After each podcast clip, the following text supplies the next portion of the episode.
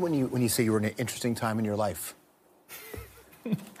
um, I think I was just I was questioning all the same things that he wrote about in this letter, which was this was a movie about identity. It was a movie about uh, commitment to oneself, commitment ultimately to real intimacy yeah. uh, in this character's life, uh, be it family, romance, all those things. I just moved from Los Angeles to New York. Uh, I was trying to figure out what movies I wanted to make, what I wanted to do with my life, more importantly. Mm-hmm. And all of a sudden, this script came across, you know, my doorstep about this guy trying to figure out his place and what he wanted to do with his life. And, and I was like, this seems pretty easy. I can just live this and they can film it. Right.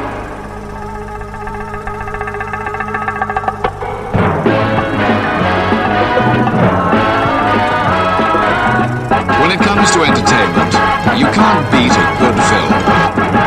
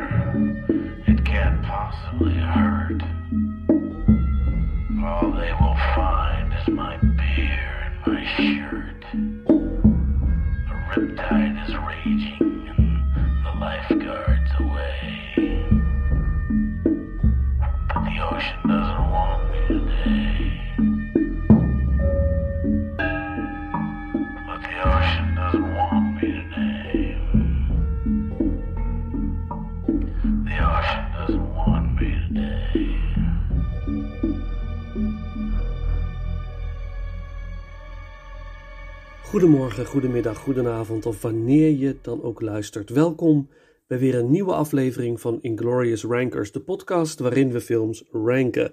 Van franchise tot filmjaar, van componist tot regisseur. Deze week de eerste van drie afleveringen van Ranking Denis Villeneuve, de Canadese regisseur die op dit moment groot succes heeft met zijn verfilming van Dune. Natuurlijk heeft deze man nog meer indrukwekkende films op zijn naam staan en daar ga ik samen met Ivar Schutte doorheen. Samen presenteren wij jullie onze persoonlijke Villeneuve ranking. Voor de intro hoorden jullie kort een fragment uit een interview met Jake Gyllenhaal over het maken van de film Enemy, samen met Villeneuve. En na de intro het nummer The Ocean Doesn't Want Me Anymore van Tom Waits, zoals gebruikt in de film Maelstrom. Natuurlijk zijn we ook benieuwd naar jouw Denis Villeneuve ranking. Deel het met ons via Instagram of Facebook en ik neem het mee in een van de volgende afleveringen. Genoeg intro, laten we overgaan tot de ranking. Eerst nog even een muzikaal intermezzo door Jean Leloup. Isabelle, gebruikt in de film August 32nd on Earth. En dan over naar ranking Denis Villeneuve.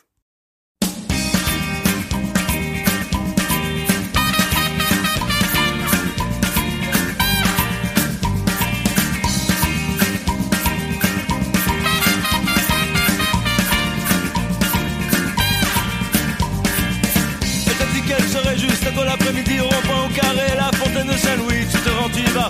Alors comme à l'habitude, mes amis se trouvent pas, tu es seul, fais comme un rat, ce n'est rien, ce n'est rien. Je vais lui téléphoner, ce n'est rien, ce n'est rien. Elle a seulement oublié, mais juste au moment où tu allais vers la cabine, tu la vois rigolant avec copains et copines. C'est pas facile quand Isabelle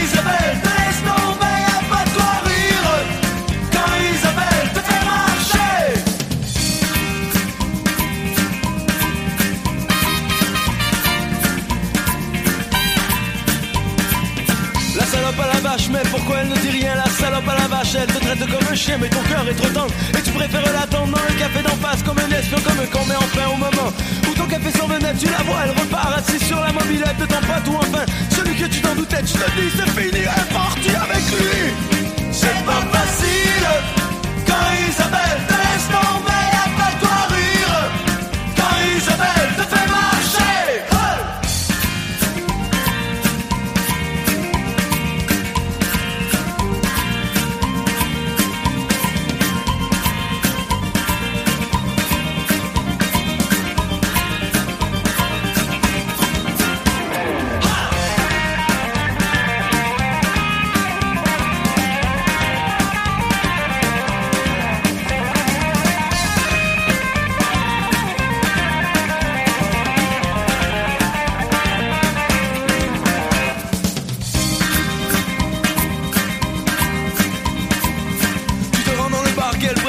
venu arriver les 10h et c'est vide et incongru. Mais enfin quoi t'as l'air T'en vois plusieurs qui rigolent, qui se parlent ton dos, qui se foutent de ta gueule. Ou qui est, ou qui ridicule Tu demandes à la blonde serveuse qui est sa meilleure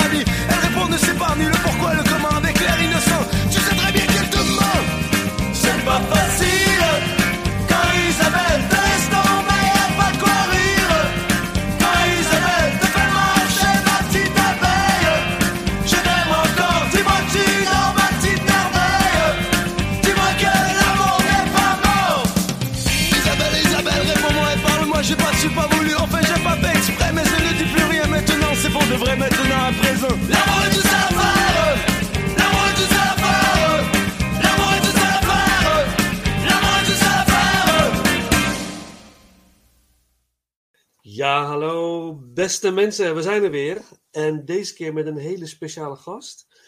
Ehm, en de eerste keer bij de Inglorious Rankers. Dus eigenlijk je een nieuwe Inglorious Ranker. En ik wil jullie graag voorstellen aan Ivar, Ivar Schutte.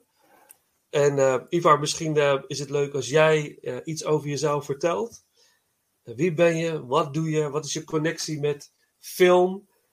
En misschien hoe heb je Inglorious Rankers ontdekt? En dan, eh, nou ja, brand los zou ik zeggen. Een brandlus. Ja, dank je Vincent. Superleuk om, eh, om een jonggeboren Inglorious Ranker te zijn. Eh, ja, vind ik wel een coole naam. Het is, Cool. ook, ook nog een van mijn favoriete films trouwens, maar daar gaan we een ander keertje wel over hebben. Ja, wie ben ik? Ja, Ivar Schutte. En ik groot filmliefhebber en bioscoopganger. Ik heb een aantal jaren in de filmindustrie gewerkt bij, bij Warner.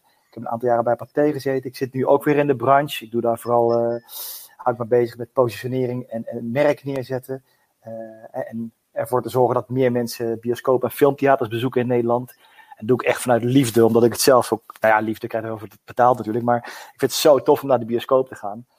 En eh, die liefde voor films, die zit er al, al heel lang in. Een van mijn, de eerste vraag die ik vaak, vaak stel aan iemand is, wat is je eerste bioscoopervaring geweest? Doe ik ook vaak zakelijk. En als je dan ziet hoe mensen op reageren, is superleuk. En, en mijn eerste was eh, eh, Enter the Dragon, Bruce Lee. In een superklein eh, eh, bioscoopje in, in, in Baarlo, Limburg, echt heel ver weg. En ja, die film is uit 79, maar ik heb die film later gezien. Dus kun je nagaan dat, dat duurde even een tijdje voordat het bij ons een dorp was. Ja, en ik, ik ging kung fuend de bioscoop uit. En dat is voor mij het, het bioscoopgevoel, weet je. Dat, dat, is, dat is echt mooi. Eh, dus groot liefhebber van films. Eh, ik kijk van alles en nog wat los en vast zit. En eh, ik verdiep me er ook graag in. Groot fan van Christopher Nolan. En zo kwam ik eigenlijk bij jou terecht. Weet je. Ik vind het dan leuk om verdieping op te zoeken. En zo kwam ik de Glorious Rankers tegen. En toen heb ik jou geappt van eh goede ranking, ben het er niet mee eens. En, eh, en nu kennen we elkaar, het gekomen volgens mij. Hè? Ja, dat triggert mij weer natuurlijk. Oh, je bent het geweest. Dat is leuk, want dan hebben we een interessante discussie. En dat is voor, voor weer een nieuwe ranking. En zo hebben we elkaar we hebben wat gemaild en met elkaar en uiteindelijk gebeld. En in ieder geval via de beeld een afspraak gemaakt van laten we dan samen ranken. Dat gaan we doen eh, vanavond. Ja, dat is, ik, ik ben heel benieuwd. Maar wat ik wel leuk vind, is die vraag jou, wat is je eerste bioscoopervaring? En volgens mij heb ik dat nog niet eerder gedeeld in een van de afleveringen. Dus als je het leuk vindt, zou, ik Ja, het, zou ik het graag willen delen. Ik wil het graag weten. Vertel Vincent, Ja, wat is je ja, eerste ja. bioscoopervaring? Nou, weet je, ik, eh, daarvoor eh, eh, een beetje uitleg vooraf. Ik, ik verzamel oude bioscoopagenda's. Ik heb heel veel nostalgische gevoelens bij eh, vooral de bioscoopprogrammering van de jaren 80. Omdat ik toen als kind heel veel naar de bioscoop ging. Eh, jaren 80, begin jaren 90. Later natuurlijk ook, maar die periode was het meest magisch. Ik heb ook eind jaren 80, toen Batman in première ging, heb ik in de bioscoop gewerkt. Moest ik schoonmaken. Moest ik zalen schoonmaken tussen de voorstellingen door. En ik kreeg er niet voor betaald, maar ik kreeg een kaart. En dan kon ik volledig gratis naar de film, zes maanden lang. Dus ik heb dat een paar jaar gedaan. Dus ik kon continu gratis naar de film. Dus ik heb tig films gezien in die periode. Alles in de bios. Uh, maar uh, ik uh, was bezig met het verzamelen van de bioscoopagenda's. Nijmeegse bioscoopagenda's. Want ik kom uit Nijmegen oorspronkelijk. Uh, van het jaar 1981. En in dat jaar ben ik voor het eerst naar de bioscoop geweest met mijn vader. Toen was ik nog net geen vijf jaar. Uh, toen gingen we naar de Jungle Book. En ik zag het in de agenda, in die bioscoop gaan. Dan zag ik, oh, Jungle Book, Scala, zaal 1. Zag ik. oh, fantastisch, daar was ik. En met, ja. met een gordijn dat open ging. Ik weet het nog zo goed. Het gordijn ging open en dan... Dat alleen al, dat theatergevoel, dat, dat sprak me enorm aan. En de, de magie die van dat scherm afstraalde, was, dat betoverde mij. En vanaf dat moment was ik inderdaad verslaafd aan film, bioscoop. Gewoon de bioscoop ingaan, gaan zitten, verwachtingsvol zijn. En uiteindelijk, het maakt me niet eens uit dat of een film slecht is of goed, eigenlijk. Het feit dat ik daar zit en het ervaar is al genoeg. Ja, ja, ja, heel herkenbaar. Ja, precies. Want ik heb pas geleden nog, dat is weer eens opgezocht, dat theatertje waar ik toen voor het eerst was. In mijn beleving was het echt een bioscoop, maar het was bijna een heel lokaal filmhuisje met een paar stoelen en het leek zo groot. Overigens moet ik mezelf alweer rectificeren nu, want als in 79 heb ik hem gezien. Maar de film is uit 73. Dus zes jaar later kwam die pas weer ons in het dorp in de bioscoop. Ja, mooi. maar ja, weet je, die ervaring. En dus een leuke vraag om mensen te stellen die van films houden. Of, of jezelf die vraag te stellen van, joh, ja. wat was dat nou? En het hoeft niet per se de eerste te zijn, maar ook wat het meeste indruk op je gemaakt heeft. Weet je, zitten huilen bij E.T., dat soort dingen allemaal. Uh, ik vind dat heel mooi. Ja, ja gaaf. Ja, en, en, en vanavond gaan we het hebben over uh, een hele bijzondere regisseur. Met heel divers uh, diverse films, moet ik zeggen. Ja. Dat, uh, en we gaan het hebben over Denis Villeneuve. Villeneuve, Villeneuve. Uh, en nou moet je me even helpen, was dat, dat was jouw idee volgens mij, hè? Ja, ja jij had toen, um, omdat je Nolan deed, en er is een soort connectie tussen die twee mannen, een wederzijdse admiratie, zeg maar. Mhm. Mm -hmm. en voor mij zijn ze ook wel met elkaar verbonden. Hoewel, nou, ik ga het er straks wel iets over hebben. Ik vind, er zit ook wel, toch wel een verschil in kwaliteit. Uh, maar ik dacht, ja, Nolan hadden jullie zo leuk beschreven. Ik denk, dat moet je Villeneuve doen. Ik had even gekeken in je rankings en er stond er nog niet tussen. Nee. Ja, en, en Denis Villeneuve, ja, hij is natuurlijk heel erg in het nieuws op dit moment met Dune, hè, die net uit is in de bioscoop, of ja. die de, dit najaar draaide. Uh, maar wat je zegt, hij heeft zo'n zo'n grote diversiteit aan films gemaakt, maar wel heel herkenbaar, uh, met een eigen stijl. Uh, ja, prachtig. Dus heel leuk om daar eens, daar eens verder over te gaan praten. Ja, ja superleuk. Ja, ik, vind het, ik, ik, ik moet zeggen dat ik genoten heb van de voorbereiding. Ik heb eigenlijk alle films opnieuw gekeken. Omdat heel veel films ook wel weer een poos geleden waren, uh, waren dat ik ze had gezien. Dune natuurlijk heel recentelijk, nog in de bioscoop gelukkig. Daar was ik wel heel blij mee dat hij toch uitkwam nog dit jaar. Dat het niet nog eens werd uitgesteld. Dat hij, kwam echt. dus, uh, en uh, ja, natuurlijk, mijn nummer 1 had ik al meerdere malen gezien, maar die heb ik gewoon puur voor mijn eigen plezier.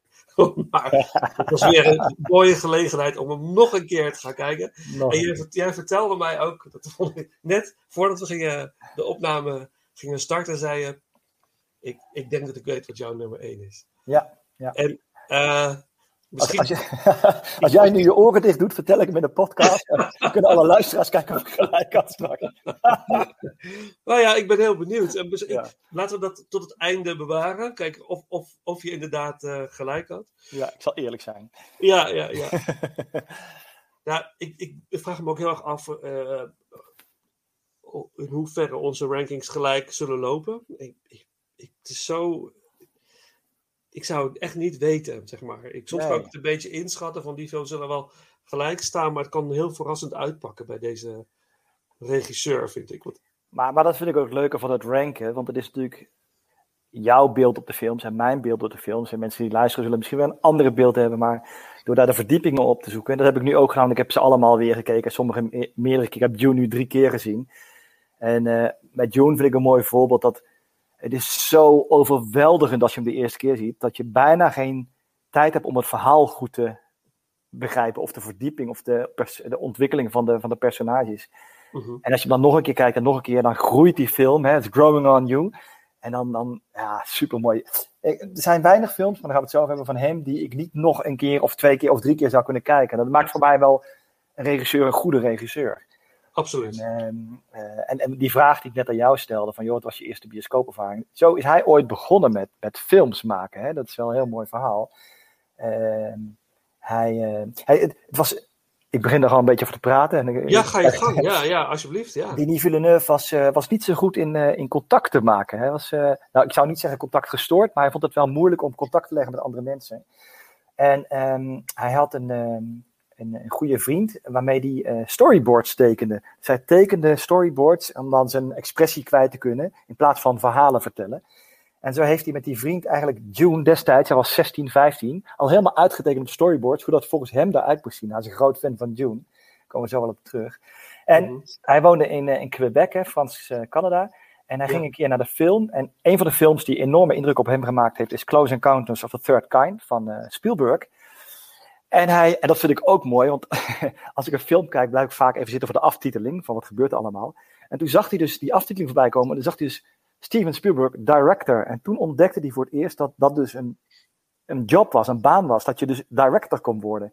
En vanaf dat moment was hij om. En was dat zijn droom om, eh, om director te worden. Nou, dat vind ik toch wel een mooie, mooie gegeven, zeg maar. Ja, fantastisch. Ja, geïnspireerd door een andere grootmeester. Ja, ja eh, wel te verstaan. Hoewel toch, wat had ik het volgens mij ook bij Nolan over. Dat ehm, eigenlijk van, van Villeneuve vind ik eigenlijk al zijn films, tot nog toe wat ik gezien heb, vind ik eigenlijk vind ik ze allemaal wel goed. Wat je zegt, ik kan ze allemaal meerdere keren kijken. Dat kan ik bij Spielberg niet helemaal zeggen. Zeg maar. Ik vind niet Nee. alle Spielberg films. Maar ja, hij heeft natuurlijk een groter repertoire, dus hij heeft meerdere films. Dus misschien dat dat ook wel het verschil maakt. Ja, maar ik heb dat bij Nolan ook. Er zijn ook films van Nolan die ik niet nog een keer ga kijken. Vond ik na één keer wel genoeg. Dat vind ik ook wel Ja. typisch. En welke ik bijvoorbeeld, als ik vraag mag? Tenet. Ja, Van Tenet geen goede film. Ja, dat is, ik hoop niet dat hij luistert, Nolan. en, en Dunkirk trouwens ook. Ik heb je verteld, hè? Ik, eh, Ja. ik werkte toen bij, eh, bij Pathé en ik mocht naar eh, Cine Europe in Barcelona. Waar we een private screening kregen van Dunkirk voor 100 man, waar hij bij was. En dus hij ging, hij ging vertellen over de film en daarna gingen we kijken. En hij, zat, hij zat voor me in de stoel voor me. Ja, en ik vond de film eigenlijk helemaal niet zo geweldig. En dat is best wel lastig. ja, ja. Dus eh, nee, ik vind, eh, hij heeft een paar hele goede gemaakt. eh, maar, maar, maar Tenet en Dunkirk vind ik niet zijn, zijn beste werk. Nee. nee, nee. Nou, ik vond Tenet wel heel overweldigend gaaf. Maar ja, dat is een heel andere discussie. Ja, precies. Die gingen we helemaal niet ranken, joh. Maar ik, hoor, ik las ook dat hij heeft ook als kind, of als kind al, eh, al een prijs gewonnen. Hè? Op een, een jeugdfilmfestival of een jeugdfilmwedstrijd. daar, heeft hij al, eh, daar won hij al een prijs. Begin jaren 90 was dat, dus 1991. En dat was dan waarschijnlijk voor een documentaire, denk ik. Want dat deed hij in het begin. Hij maakte Ja. allemaal documentaires. Ja, in ja, of shorts, ja, in ieder geval een korte, korte film. Ja. Dus Ja, en wat ik, wat ik bijzonder vind aan hem, hij is echt zo eh, down to earth, zo bescheiden. Af en toe heb je het idee, als je interviews met hem hoort, dat hij bijna nog verrast is over de roem en faam die op hem neerdaalt. Dat, dat, dat, vindt hij helemaal niks. En, en wat ik net zei, en dat is ook wel mooi, eh, hij heeft dat boek van eh, Frank Herbert gelezen over Dune. En dat was dus zijn grote droom om die film te maken. En hij vond zichzelf daar tot voor kort niet goed genoeg voor. Hè? Dus hij heeft een aantal films gemaakt om te zorgen dat hij goed genoeg was om Dune te maken. En dat is eh Blade Runner 2049 en Arrival. En dat, dat zijn dus eigenlijk zijn opwarmertjes voor Dune. Ik vind dat wel bijzonder hoor. Je zo, eh, dat is wel bizar, hè? ja, ja, ja. Ja, dat ook. ehm, dat las ik ergens over hem, dan over Blade Runner 2049. Dat hij zich ervan bewust was dat er, dat er natuurlijk een enorm- enorme fanbase is. Met een enorme hoge verwachtingen voor, op een vervolg, eh, over een vervolg van Blade Runner. Ja. En dat hij inderdaad dat ze heel goed besefte. En dat hij eh, wel zijn eigen film wilde maken, maar eh, hij zegt: Ik ga het echt ontzettend goed doen. Zeg maar. Ik haal alles uit wat is, alles uit mijzelf om hier een, een, een, een film van te maken die, die, die boven, boven een bepaald niveau uitstijgt. Ja, Ja, dat vond ik wel, dat vond ik wel mooi. Ik denk, ja, dat toch je eigen ding, maar toch je bewustzijn van het feit dat je iets, toch iets heel erg unieks maakt. Wat een grote betekenis kan hebben, wat ook volledig neergezabeld kan worden natuurlijk door fans. Maar dat hij zo, dat hij alles op alles zit om er toch iets goeds van te maken. Er is geen, geen middenweg of zo. nee, nee. Het eh, het woord prima komt niet voor in zijn vocabulaire. Nee, hè? nee. Het, is echt, eh, het komt straks wel terug, want dat, Ja, dat- ja. over, zijn, het zijn eerdere films. Hij heeft een film gemaakt op een gegeven moment waar hij dusdanig ontevreden over was, dat hij een sabbatical van negen jaar heeft gehad. Ja. Stay-at-home dad eh, geworden, omdat hij niet, hij kon niet, eh, geen vrede krijgen met wat hij had eh, gemaakt. En, Nee. dat hij zoiets zegt van ik ga pas weer iets maken als ik het gevoel heb dat ik iets kan maken waar, waar ik echt 100% achter kan staan. Ja, ja. Ja. Het waren zelfs twee films, hè? Het waren zijn eerste twee. Dus, Ja. eh, Ja, nou, dat vind ik ook wel mooi dat hij dat eh, inderdaad deed. Ik, had mezelf eh, beloofd, of bijna een eh, afgelegd om of iets goeds te maken of niet meer. ja, Hij legt zichzelf wel veel druk op. En als je kijkt ook naar de, de, de, de mate van detaillering en aandacht in bepaalde scènes. Die, die, die, die zandwormen in Dune, daar zijn ze een jaar mee bezig geweest om die goed in beeld te krijgen. En als je de film ziet, ja, het is een scène van een paar minuten. ja. Maar het moest perfect. Ja, ik vind dat wel bijzonder hoor. Als je met zo'n toewijding films maakt. Dat is, eh, Ja, maar dat moment in June met die zandworm.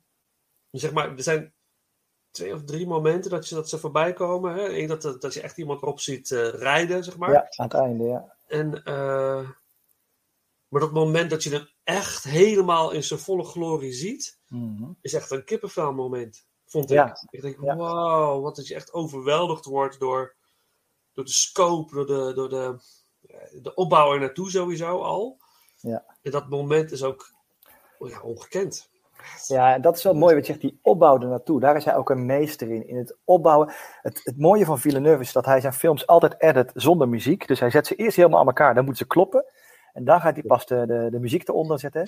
En soms is er ook geen muziek, of de muziek is eigenlijk, hij valt je niet op. En pas als hij je vangt op het moment van een scare jump of spanning, dan heb je door, hé, hey, ik heb naar die muziek zitten luisteren. Daar heb ik straks wel een mooi voorbeeld van in een van zijn films. Ja, Dus dat, dat vind ik ook, ook zo mooi, dat, dat, dat hij daar zo mee bezig is. Eh, Ja. Dat die film al goed moet zijn zonder muziek. ja. Ja, het is een devoted regisseur. Ja, zeg dat wel, ja. Ja, dus, dus, maar ik denk gewoon dat alle regisseurs wel devoted zijn, maar sommigen hebben gewoon echt bepaalde skills waardoor, waardoor het boven een bepaald niveau uitstijgt. En ik vind Ja. bij Villeneuve echt, eh, ik was bij iedere, echt bij iedere film, denk ik van jeetje, wat een film. Niet allemaal even, even goed, want je hebt, je hebt natuurlijk een ranking, eh, je hebt Mhm. maar ik, bij iedere film deed wat met me. En, Ja, eh, en toch vind ik in zijn eerdere werk zie je ook dingen die, waar, die, waar je echt nog ziet dat hij aan ontwikkelen is als regisseur. Dus Ja. het wordt niet alleen maar fanpraat dit. er zijn Nee, dingen waarvan ik denk, hey, nee, dat nee, absoluut niet. maar wel Nee, interessant om te zien. Dat, dat, eh, maar er is in ieder geval wel veel liefde voor deze regisseur. Maar zullen we, zullen we gewoon starten? Ja, met, dat die, die ranking. Laten jij- we dat maar doen. Ik, zat, eh, ik hoorde laatst in een podcast, ze deden ook iets, dat was niet echt een ranking, maar ze deden, eh, dat was van, eh, we, we, we, moeten, we mogen tien actiefilms kiezen uit de jaren tachtig. Ah. En als er één kiest bijvoorbeeld, ehm, eh, weet ik het, Die Hard, dan mag je geen enkele actiefilm meer kiezen van die regisseur. Weet je wel, dus daar gaat het om en om. Maar ze deden daarvoor deden ze kop of munt. Ik vroeg, heb jij een munt toevallig bij de hand? Of iets zo. Een munt. Ik ben van digitale tijdperk. Ik heb alleen maar Wat een heb telefoon. alles voorbereid behalve dit. Ja, ik heb, dus ik heb alleen een pinpas. Oh, ik heb wel iets. Ik heb, hier een, ik heb hier een kaartje. Een kaartje met twee zijden. Oké, ja. Aan de ene kant staat no rules. En aan de andere Oké. kant staat wat anders. Zeg jij maar welke kant je wil. En Dan mag ga ik natuurlijk voor no rules. En dan ga ik hem op. Ik flip hem, kan niemand zien. En hij valt verkeerd om voor jou. Hij valt voor mij gunstig. Oké, dan moet jij starten. Moet ik starten? Of mag jij starten? Ja, nou wat we hebben gedaan, we hebben gezegd: oké, er was een discussie, heeft nou 10 of 11 films gemaakt. Hè? De eerste film waar hij bij betrokken was, was Cosmos, maar dat was niet helemaal zijn film. Ze hebben gezegd, die doen we niet. Ze hebben 10 films, dat is wel makkelijk, een top 10. Yes. Ehm, en voor mij op 10 staat, en ik ga de Engelse titel lezen, want mijn Frans is nogal belabberd. August 32nd on Earth. Eigenlijk de eerste echte film van eh, Denis Villeneuve, eh, die hij gemaakt heeft. En de film die mij het minst aangreep eigenlijk. Mhm. Ehm, Waarom? ja, ik heb ook als laatste gekeken, hè, want ik had eigenlijk alleen die andere negen gekeken. Eh, hij is, ik vind het heel oppervlakkig allemaal. Hij, hij behandelt een aantal thema's, of althans de, de bedoeling is om een aantal thema's te behandelen. Ehm, daar, het gaat over eh, ehm, eh, onsterfelijkheid, of sterfelijkheid eigenlijk niet onsterfelijk, maar de sterfelijkheid is een thema erin. Mhm. Ehm, maar het wordt een beetje. Hij raakt het niet echt. Het gaat over een, een, een, een, een, een model dat in de auto zit, in slaap valt, over de kop vliegt in een near fatal crash. Hè, ze zou eigenlijk dood moeten zijn, maar stapt uh, ogenschijnlijk uh, ongedeerd uit de auto. Uh, wordt er iemand opgepikt om weer terug te, gebracht te worden naar de bewoonde wereld. En ze vragen welke datum is het. En hij zegt dan, het is vandaag 32 augustus. Nou, dat zet je aan het denken van, waarom is het 32 augustus? Uh, alleen mij wordt dat nooit helemaal duidelijk. Hè? Ik, we, we, hebben eerder gehad, wat gaan we met spoilers doen? Op een gegeven moment gaan we dingen zeggen die ook wel iets over de film vertellen. Ja, maar, laten we dat even, even benadrukken. We doen spoilers. Sowieso spoiler alert, want daar komen we niet onderuit. We zullen zo min mogelijk misschien eindes verraden. Ja, ja, precies. Dat is ook niet heel erg handig. Maar we zullen wel uitweiden over bepaalde dingen in film, de films. Dus spoiler alert bij deze. Maar ga, ga vooral ja. verder. Ja. Nou ja, dat is het. En, en, en wat ik wel mooi vind aan Villeneuve, dat hadden we nog niet benoemd, dat hij vindt het, het casten van um, acteurs echt een crime. Dat vindt hij super stressvol. Maar ik vind dat hij daar wel door de jaren heen echt heel goed in is geworden. Als je kijkt naar zijn laatste films, zo spot on heeft hij de acteurs gevonden. En hier nog niet, vind ik. Mhm. Um, de, de hoofdrolspeelster, uh, Pascal Bugière, ik hoop dat ik goed uitspreek, die speelt Ja. Simone, dat is nog best wel oké. Uh, maar ze zegt dan, ja, uh, ik, ik, ben bang voor mijn sterfelijkheid en ik wil mijn leven omgooien. Ze gooit het roer om en ik wil zwanger worden. En ze heeft een afspraak met een vriend van haar, dat wanneer ze allebei 30 zijn en nog niet getrouwd of kinderen hebben, dat ze samen een kind zullen maken. En dan zegt ze, ja, dat wil ik dan nu. Ze is een paar jaar te vroeg, want ze is pas 26. En die, die vriend, Philippe, die wordt gespeeld door Alexis Martin. En dat, ik, ik weet het niet, Vincent, het is, hij komt bijna clownesk over. Als ik, ik ga nu wat tegen je zeggen, en als je die film nog een keer kijkt, kun je het niet, je can't unsee it. Je kan niet meer naar de jongen kijken zonder Doc te zien uit Back to the Future. Die verwarde blik de hele tijd. Uh, het is, het is, het is, het is. ja. Ja, maar ga maar kijken. En, en Ja. de bij- en er zijn een aantal bijrollen en het zijn bijna ja, bordkartonnen rollen. Zeg maar, er zit nul diepgang in. Met name de taxichauffeur op een gegeven moment die je naar een, eh, naar een woestijn brengt. En dat vind ik jammer. En, maar is het dan een slechte film? Ik vind het niet echt, want je ziet al wel de, het talent van Villeneuve er doorheen schemeren. Hij heeft een aantal scènes. Zo filmt hij een vliegtuig dat of opstijgt of landt. Maar zo had ik het nog nooit gezien. Dat vond ik zo grappig bekeken hoe hij dat in beeld heeft gebracht. Ja, De Ja. scène in de zoutwoestijn, heel mooi gefilmd. En er was er nog eentje, ehm, vond ik ook zo heel mooi gedaan. Nou, daar kom ik straks wel even op terug. Ja. Eh, maar daar tegenover staat dan een scène op een, op een vliegveld in Amerika. En dat is zo surrealistisch, net alsof het allemaal nep is. Dus het is nog zo in onbalans, Ja. dat de film mij niet pakte. ja. Nou, ik, we, we komen er zo op terug, denk ik. Hij staat niet op Hij 10 bij staat, hij staat niet op nummer 10 bij mij. Maar ik, ik kan me wel eh, vinden in eh, dingen die, eh, die je zegt, inderdaad. Het is, ik ga er zo meer over zeggen, wat, wat, ik, wat mijn idee is. Maar wat, wat ik wel zie, is inderdaad dat hij, dat hij zoekende is naar, naar iets. Naar, naar een, wil die surrealistisch, wil die comedy, wil die dramatiek? Wil, wat, wat is het? Waar, waar wil je heen? Weet je, en dat, dat eh, ervaarde ik ook wel met het kijken naar deze film. Van, wat, wat, wat moet ik nou vinden? Wat moet ik nou voelen? En dat, op zich vind ik dat ook wel weer interessant als ik als kijker heen en weer word geslikkerd met die emoties. Snap je? Dat ik vind dat wel een bijzondere kijkervaring. Dat ik bij mezelf te raden moet gaan van oké, wat, wat, wat moet ik hier nou mee? Wat moet ik hier nou van vinden? Het boeit me wel. Ik, ik, ik boeide me echt heel erg deze film. Ik vond het heel interessant om te zien wat, wat, wat gebeurt hier nou. En eh, die film daarna ging die, ging die doorwerken bij mij, s'nachts. Ja, je, ja. zegt van, van wat, wat, wat was dit nou? En, wat, wat... en dan komen er allerlei ideeën, dat zal ik zo eh, met je delen, wat dan Ja. heb ik genoteerd, wat, wat dacht ik daar dan bij? Eh, maar dat, eh, maar ik, ik kan me voorstellen dat je, dat je hem op, op eh, 10 hebt staan. Ja, Ja. ja. ik, ook wat jij zegt begrijp ik ook wel. Want die andere scène die ik bedoelde is in, dat, in die hotelkamer. En dat Ja. is bijna Kubrick-achtig gefilmd. Hè? Ja. Toen ze aan een Space Odyssey. En dat vond ik weer heel goed gelukt. Het is eigenlijk wat je zegt. Het, het ging van links naar rechts. En wat moet ik hiermee? Ja. Maar hij maakte te weinig indruk op mij om de volgende dag er nog echt mee bezig te zijn. En dat Ja, heb ik met andere films van hem wel, die ook best wel lastig zijn. Maar Ja. deze liet me los. Ik denk, nee, die hoef ik niet meer te zien. Ja, dat Nee. is, Nee, nee. Maar ik vond het, dat, die scène in die hotelkamer voelde heel beklemmend en heel...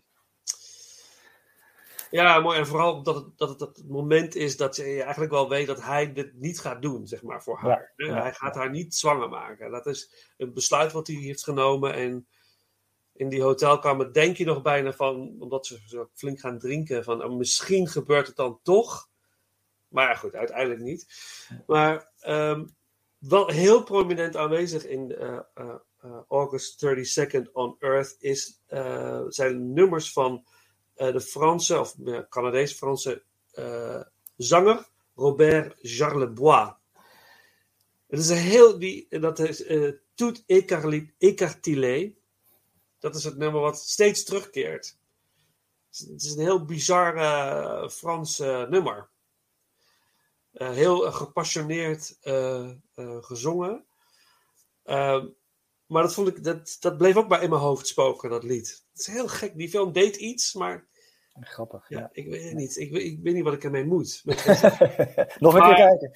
ja, maar zullen we, zullen we daar dan naar gaan luisteren? En dan gaan we door naar eh, eh, ja, mijn nummer 10. Ben benieuwd.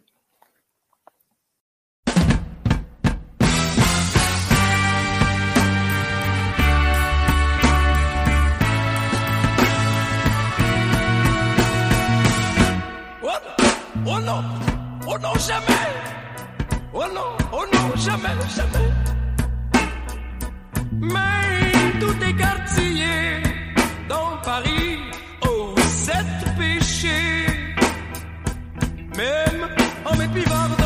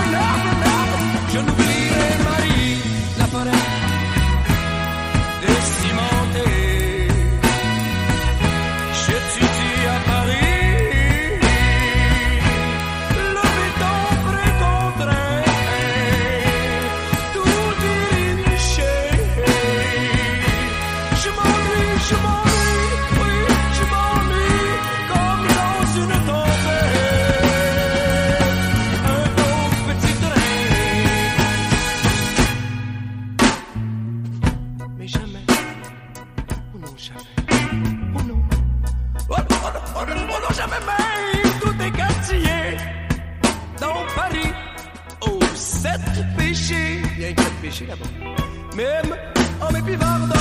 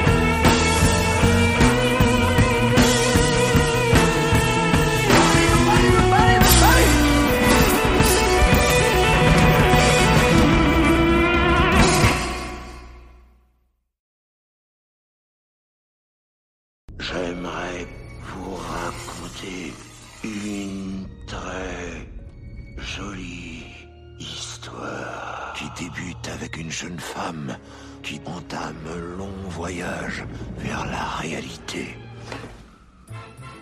Bon, vous êtes à la tête des boutiques Sumatra. La business, ça va bien? La business, ça va super bien. Mais vous, sexuellement parlant, Parle de cul de business, là. de cul, Puis bien, on ne pourra pas continuer comme ça. C'est fini. Toi, là, j'espère que t'as pas déménagé parce que mon char, il est stationné en face de chez vous. T'as rien compris, hein? Qu'est-ce que t'as rien compris? Avez-tu quelqu'un? Par accident? La personne le sait, sauf moi. Monsieur Champagne, ligne 3. Philippe, euh, bah, laisse faire. Mon père s'est fait écraser par un char. Nos sympathies. Est-ce que vous voulez un sac? Un bon matin, je sais que je m'éveillerai. Que les tueurs de votre père meurent d'une mort lent et atroce. Je souhaite qu'il meure éventré, les tripes au soleil, mangé par les chiens. D'après vous, ça prend combien de gaz pour s'immoler? On peut pas se sacrifier soi-même. Immoler, c'est faire un sacrifice. Tout ce que tu veux, c'est te suicider. Si je le pogne, je le tue. Qui a tué sera tué.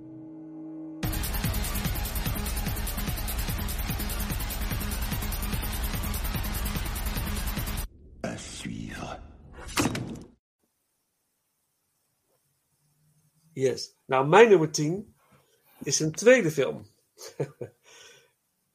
is dat toevallig jouw nummer 9? Dat zou zomaar kunnen. ja, ja, is mijn nummer 9, ja. Oké, oké, dan kunnen we daar gelijk over door. Eh, ja, dat is eh, de film Maalstrom uit 2000. Die film heeft hij ook geschreven eh, en geregisseerd. En dit is, na deze film heeft hij dus die sabbatical genomen van, eh, van negen jaar. Dat is, eigenlijk is dit, eh, eh, in navolging van August 32nd, is deze film weliswaar misschien nog surrealistischer dan die film. Eh, en dat vond ik wel interessant aan die film. Maar ik, deze film vond ik helemaal zo verdeeld. Ik dacht van, wat, wat moet ik nou? Wat, wie moet ik nou volgen? Eh, ik vond het ook heel, af en toe heel fragmentarisch. Dat ik, en, en ik moest heel erg nadenken over eh, wat, wat wil hij nou precies zeggen? Wat is nou de onderliggende boodschap? En ik heb al een aantal dingen daarover eh, bedacht. Het is, het is wel een visueel hele mooie film, moet ik zeggen. Eh, een ontzettend mooie actrice. Marie-José Croze. Croze. Mhm. Oh, hoe, ik weet niet hoe je het precies uitspreekt. Ehm, en een Franse acteur, Frans, ik denk ook Frans-Canadese acteur, Pierre Lebeau. Als de vis. En dat is alweer gelijk zo'n ding. Ik zeg als de vis. Oké, hoe dan? De, de film wordt soort van verteld. Het is een fabel wat verteld wordt door een vis. Die eigenlijk op, de, op, het, op het punt staat eh, eh, onthoofd te worden door een, een, iemand die de vissen, zeg maar, prepareert, schoonmaakt. Ja, eh, ja, ja. en dat is ook, in, dat gebeurt in een. De, op, de film opent. Ja, de film opent eigenlijk met een tekst. En daar heb ik de vertaling van opgezocht. En dat is een, een tekst in het, in het Noorweegs. En volgens IMDb is dit de vertaling. Daar, daar opent de film mee. We apologize to all our Norwegian friends. The, films, uh, the film shows a picture of Norway based on cliches. We wrote the movie script under hypnosis. We regret that everything in the movie is spinning. En dat is natuurlijk ook Maalstrom, is een, is een draaikolk. Dus alles spint en gaat alle kanten op. En dat is ook, uh, eigenlijk is de Maalstrom is volgens mij het hoofd van de hoofdrolspeelster. Uh, de, degene, de, de, de protagonist, degene die we, die we volgen. Bibienne heet ze volgens mij. Ja. Um, maar dat, verha dat verhaal van Bibienne wordt verteld door een vis. Dat is echt heel bizar. Dus je ziet de tekst en dan ga je, zie je een, een, een, inderdaad de, de visslachter, noem ik hem maar even. Het is ook een slager die er heel ranzig uitziet en een bebloed shirt. In een, in een soort. Um, hoe heet die regisseur van Delicatessen ook alweer? Uh, die ook uh. in uh, Resurrection heeft geregisseerd. Ja, die zoeken we even op. Ja, die zoeken we, ja, in ieder geval, die zoeken we zo. Maar die regisseur, die vibe had die eerste scène. Dus ik dacht van, dit is de vibe van die gast. Dit is een beetje die stijl. Mm. Interessant, dacht ik, interessant. Maar ineens gaat het, die vis begint te vertellen, een fabel.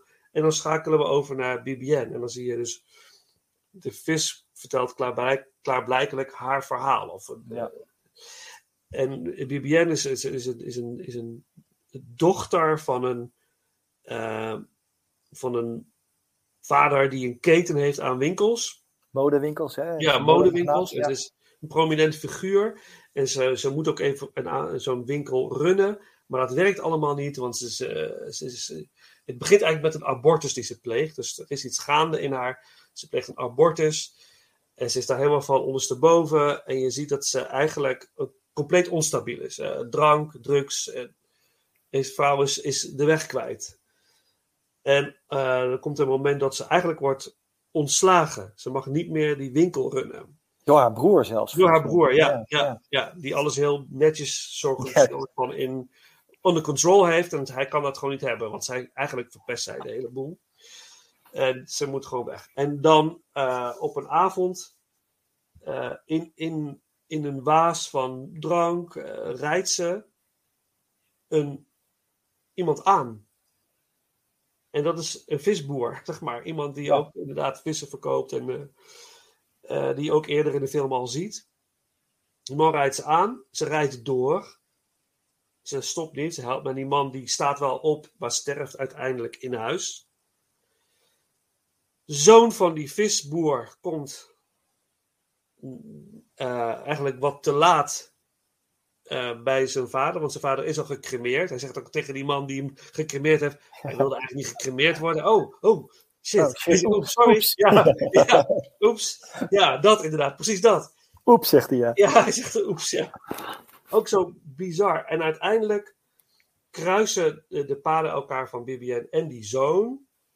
En zij doet zich voor als de buurvrouw van die vader. Precies. En krijgt een relatie met, Met de zoon. Ja. Dat, is, dat is wat er een beetje gebeurt in die film. En je ziet dat zij inderdaad in die draaikolk zit. Ze gaat al, wordt alle kanten opgeslingerd qua emoties. Ze liegt, maar vindt ook wel liefde bij deze man. Het wordt heel gecompliceerd. En wat ik heel interessant vond, iedere keer als die vis of een vis het verhaal wil doorvertellen, dan zie je tussendoor zie je steeds weer die vis in beeld. Dan wordt die kop eraf gehakt. Iedere keer als ze wil, naar een bepaald punt, chop, weg. En dat is ook inherent aan haar leven. Iedere keer als zij iets wil doen, eh, verder wil, bam, gebeurt er iets waardoor ze gechopt wordt en eigenlijk eh, Ja. weer, ja, weer terugvalt. En ja, nou ja, goed. Ik vond het een hele interessante film. En nogmaals, ik vind al zijn films echt wel ik, mooi. Ik vond het indrukwekkend. Ehm, maar ik, ik, ik werd gek van die film. Ik heb, hem- ik heb hem zeg maar op een gegeven moment ook eh, uitgezet. En zeg: Oké, ik moet straks gewoon even verder kijken. Want ik, ik trok het even niet. Het is echt even, en ik hou heel erg van surrealisme. En, eh, maar het, ging, het, het was zo verspreid. Wat later wordt het wat rustiger. Als hij ook wat Mhm. rustiger wordt. Maar, nou ja, goed. Dat is bijna... Maar dat is inherent aan de, aan de filmtitel. Ik, Ja. ik, ik, ik, ik iets milder over, denk ik. Er gebeurt nog iets, eh, ik ga niet precies vertellen wat, maar waardoor die zoon van die vader, die zij eigenlijk heeft doodgereden, Ja. haar ehm, heel erg dankbaar is. Bijna. dat- en, en wat dan optreedt, en dat zijn van bij de twee leidende motieven in deze film, is één, ze heeft eh, die, die bewijsdrang. Hè. Ze, ze moet presteren, want haar vader is succesvol, haar broer is succesvol en zij bakt er niks van. Dus die, die, dat verwachtingsmanagement moet ze weer omgaan. En vandaar dat ze alle kanten op schiet. En het andere ehm, is schuld. Dat ze zich heel schuldig voelt over de dood van die visboer, want dat is het eigenlijk. Hè, en, eh, want daarom zoekt ze het ook weer op en zo komt ze die zoon tegen. Dus ehm, het, het moeilijkste van deze film vond ik het begin, wat jij vertelt. Want het begin is echt wel ranzig. Die, het is niet gewoon een slachtbank, het is een, een soort kajuit van een vissersboot. Heel vies en bloed overal.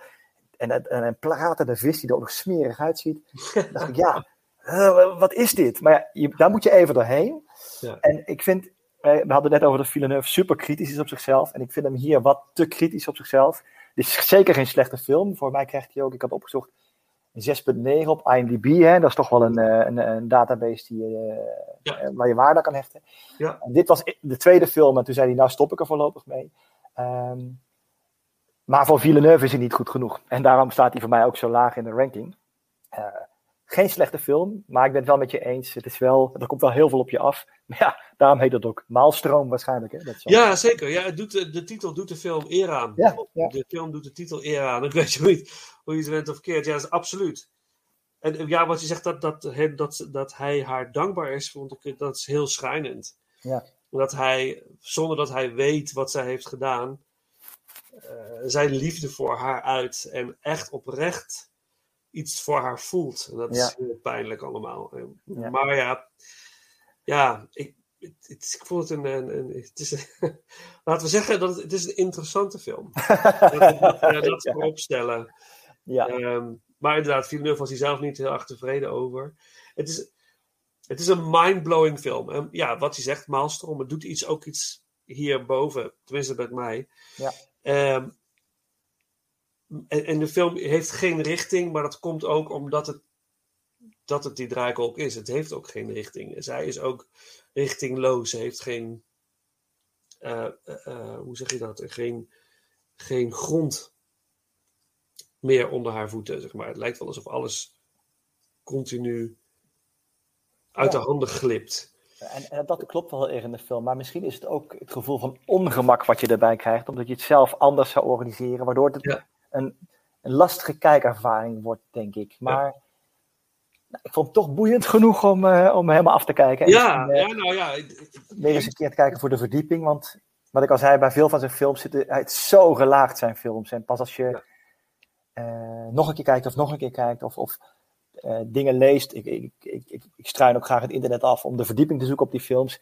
En dan lees je dat, oh ja joh, en dan ga je kijken en dan zie je het en dan denk je, wow, en dan gaat er weer een wereld voor je open. Ja, ja, ja. Er is zo over nagedacht over zijn films. En ik kan me niet voorstellen dat hier ook niet nog een diepere laag zit. Dus ik gun hem nog wel een keer een kans om hem nog een keer te kijken. Ja, ik ook. Dit is ook wat, wat ik zei. Hè. Alle films kunnen we meerdere malen zien van deze eh, man. Ook, eh, laat, ook interessante soundtrack. Hele mooie dingen staan erop. En ehm, ook voor andere heel mooi nummer van Tom Waits. Maar die zal ik ergens een keer tussendoor aan het begin van een einde plaatsen. Eh, ook heel mooi. The Ocean Doesn't Want Me heet dat nummer van eh, Tom Waits. Korte, korte track. Eh, maar, maar heel prominent in de film is het nummer uit Hair. Good Morning Starshine. Laten we die dan doen. Vind je het wat? Ik vind het geweldig. Laten we is goed. En dan, dan mijn nummer 9. Ja, jouw nummer deze, negen. Deze deelden we, ja. ja. Ja.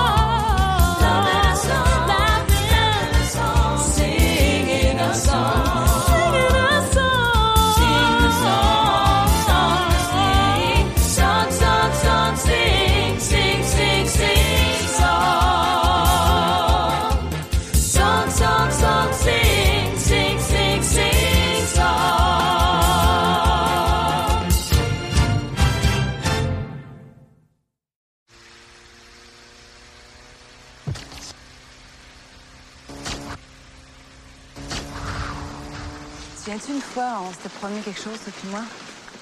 Ben, est-ce que tu voudrais me faire un enfant, Philippe, s'il te plaît?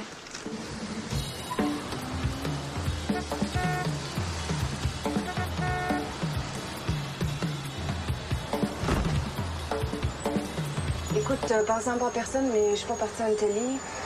Faut absolument que je te voie.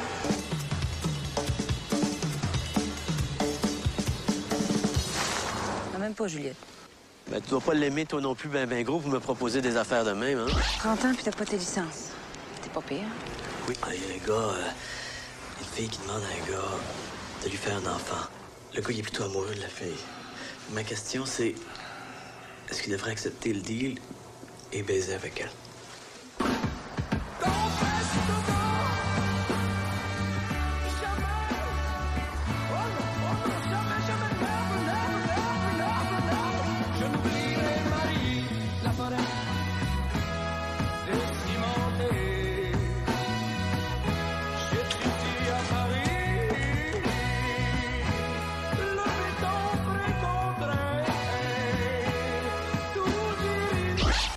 Pas tellement bandant comme place, finalement. Hein? Je- je vais dire oui, mais. T'es prêt? Un peu.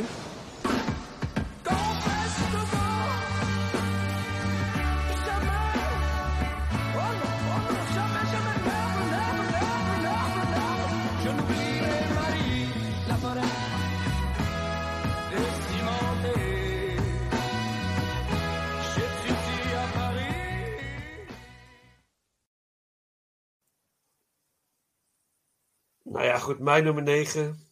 August 30 Seconds. van Earth. Ja, dat kan niet anders. Kon niet anders, hè? Nee. Ja, dat is onoverkomelijk. Ehm, ja, we, we hadden het natuurlijk al een beetje uitgelegd. hè. Die jonge vrouw krijgt een auto-ongeluk en ja, ziet hoe, hoe kwetsbaar het leven is en, en wil daar iets mee, wil zwanger raken. En, en eh, wil dat van inderdaad die goede vriend, die inderdaad heel, heel, in, kon, heel, eh, enorm contrast tussen die twee, vond ik. Ja. Ik dacht van, dit is wel heel gek dat die twee elkaar... Het kan natuurlijk, hè, maar het is ook weer heel surrealistisch. En, eh, maar hij zegt, oké, ik wil dat wel. dat is- vond ik ook zo bizar. Je zit die film te kijken en denk, oh, dat is wel gek dat ze dat dan zo direct aan hem vragen. en dan zegt hij, ja, dat wil ik wel doen, maar het moet in de woestijn.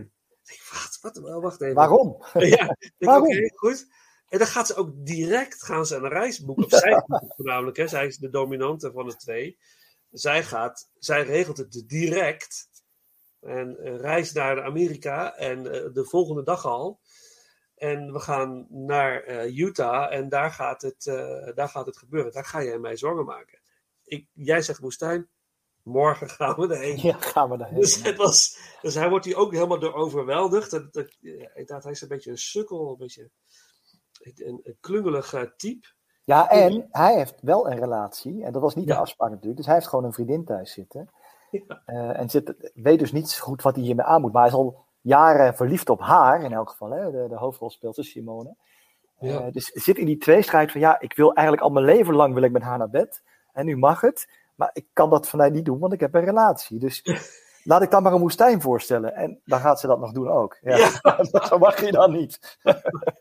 Ja, op zich op een super, super fascinerend concept. En ik denk, ik was daar wel door eh geboeid. ik ben wel benieuwd wat er dan gaat gebeuren. Gaan ze dat dan echt doen? Als ze gaan naar Amerika, krijgen ze te maken met een nogal eh, dubieuze taxichauffeur. Ja. Die ze inderdaad naar, die, naar de zoutvlaktes eh, brengt. En vervolgens eigenlijk ze gaat uitbuiten van... Ja, je moet zoveel geld betalen. Wil ik je nog ophalen? Ja. En uiteindelijk is hij er om ze op te halen. Dan wil hij nog meer geld voordat ze de auto in mogen. Nou ja, dat... Maar dan gebeuren er een aantal interessante dingen, vind ik. Want inderdaad, zij, zij sterft bijna aan het begin van de film. Eh, ze is helemaal van slag daardoor. Ze krijgt een lift. Ze komt, ze, ze komt uit die car crash volledig ongedeerd, lijkt. Eh, ze krijgt wel een bloedneus in de auto van een, eh, iemand die haar meeneemt, want ze gaat liften. Ja. Ze gaat naar een ziekenhuis, wordt ze onderzocht en er wordt ook tegen haar gezegd dat haar korte termijn geheugen is mogelijk is aangetast. Ja. En ze krijgt nou ook weer een bloedneus. En toen begon ik altijd te denken, wat, hier is misschien iets anders aan de hand dan, dan, dan dat we denken. En toen begon, ging dat bij mij broeien. Maar dan komen er allerlei eh, dingen naar boven. Aan het, op een gegeven moment, als die chauffeur later in de film ze niet uit die woestijn wegrijdt, want ze, ze kunnen hem niet betalen. Ze willen hem niet betalen. Het bedrag Mhm. wat hij vraagt is te hoog. Dus hij laat ze achter. Ze moet gaan lopen. Ze moeten lopen naar de, naar de bewoonde wereld en dan vervolgens liftend naar het vliegveld. Maar, maar onderweg gaat zij ergens plassen langs de kant van de weg en dan Ja. ziet ze een lijk. Dat is enorm confronterend voor haar natuurlijk, want ze is zelf bijna gestorven en het is een heel heftig, eh, heftig ding. En dat, ik ging, me na, ik ging nadenken, ja, dat surrealistische eh, gehalte van die film. Is zij dood? Leeft ze nog wel? Is dit, is dit allemaal een, een, een droom of een. Weet je dat. Of is licht. Want ja, ja, sorry mensen, ik ga toch een hele heftige spoiler geven. Ehm, het einde van de film. Nee, wacht, daar kom ik zo op. Is, ze- is, is, ja, is ze dood? Of is er iets met haar hoofd gebeurd? Of zit zij in een soort andere we- wereld, een andere dimensie? Ligt ze in een coma, bijvoorbeeld? Hè, aan het einde van de film komt, raakt de andere de man in coma. En zit zij naast zijn bed. Maar is zij niet degene die in, in coma is geraakt? Want August 32nd, dacht ik, dat is niet reëel, dat is niet onze werkelijkheid, is niet August 32nd. Dan zou je zeggen August 31 of een andere. Het, het is buiten onze realiteit, maar valt het dan ook buiten haar realiteit? En dat hield me heel erg bezig met deze film. Ik van, is dit, wat wil die nou? Wat wil die nou zeggen hiermee? We krijgen geen, we krijgen geen Sixth Sense-achtige eh, ehm, reveal aan het eind. Nee. We moeten, hij laat ons echt achter met, wat, tenminste mij, van, wat moet, wat, wat? Ja, Ik wil- ik het wel interessant wat je zegt. Ik had, ik had de film, ik had tien minuten gezien en toen zei ik tegen eh, mijn vrouw, eh, zij is dood. Want dit is extra tijd. Want hij telt ook door, hè. Het wordt 32 augustus, 33 augustus, 34 augustus. En dan op het moment dat zij aan dat ziekenhuisbed zit van Philippe die in coma ligt, Ja. is het opeens 5 september. En dan telt de tijd weer normaal door. Ja. Dus het, ik vind het wel interessant hoe jij dat, dat, dat zij eigenlijk, dat zij dus die daar ligt. Maar deze film geeft daar, ik vind het heel knap. Wat ik knap vind aan Villeneuve is, hij, hij weet de kijkers op waarde te schatten. Hij zal nooit heel dingen helemaal expliciet uitleggen. Hij gaat uit van een bepaalde intelligentie van de kijker. Dat waardeer ik enorm aan hem. Ja. Maar hier was het misschien net even te veel gevraagd. Ja, ja, misschien wel. Nog een film van hem, waar gaan we straks over hebben. Daar heeft hij dat ook. Ja. En dus ik, ja, nog een paar keer kijken denk ik op kouwen en misschien komen we eruit. Ja, Maar ja, ja, ja. Ik heb hem alleen ik had ik, misschien had ik hem ook met mijn vrouw moeten kijken. Die vindt dat soms ook wel interessant, om, dat, om daar dan weer eh, een goed gesprek over te voeren vervolgens. ja, ja. Maar, dat, eh, maar, ik, maar goed, eh, we hebben het net ook al uitgebreid over gehad. Ik, ik vond het wel een hele bijzondere film. Plaatsje hoger dan Maalstrom. Want de rest wat komt, ja, stijgt daar toch echt. Dat Ja. stijgt daar gewoon ver bovenuit. Dat, dat, absoluut. Maar hij, hij laat hier al wel een bepaalde vakmanschap zien, vind ik. En, Ja, eh, ben ik met je eens. Ja. ja, vanaf nu wordt het moeilijk de komende Ja. acht. Ja, nou, we gaan het meemaken. Ja. Maar we kunnen nog wel, wat wel leuk is, we kunnen nog wel een stukje soundtrack doen van deze film. Dat vind ik nou wel heel erg leuk. En eh, je hebt namelijk, je had, ik had het over Ro- Robert Charlebois, maar je hebt nog een bizarre Franse zanger die ze hierin gebruiken. Dat is Jean Leloup. Het is eigenlijk een band, is dat, een, een, een groep muzikanten. Jean Leloup. En eh Printemps Été. Die wil ik graag, eh, dat is ook zo'n bizar nummer. En dat is ook, de, de muziek in deze, deze film is ook zo, het is allemaal zo, zo weird er gebeurt. En rare Franse zangers met rare uithalen en die schreeuwen wat. In, nou goed, maar anyways, eh, Printemps Été en dan door naar jouw nummer 8.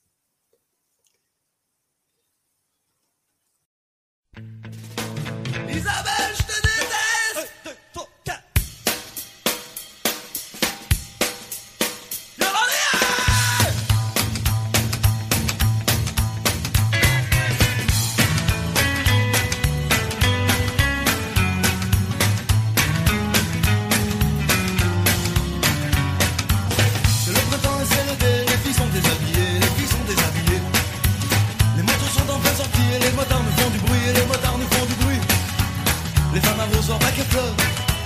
et tout resplendit de bonheur. Et elles sont là à lézarder devant la maison, à l'entrée les filles qui sont déshabillées. Un, deux, trois. C'est le printemps et c'est l'été, les terrasses sont remplies et les gens sont épanouis. Comme des oiseaux sortis du nid, les petits enfants qui pépinent dans les piscines font pipi. Et je m'ennuie de toi jolie. Tu mettras ta jupe à midi. Cocotte, ma pelote, ton ta petite culotte, montre-moi ton poil carotte.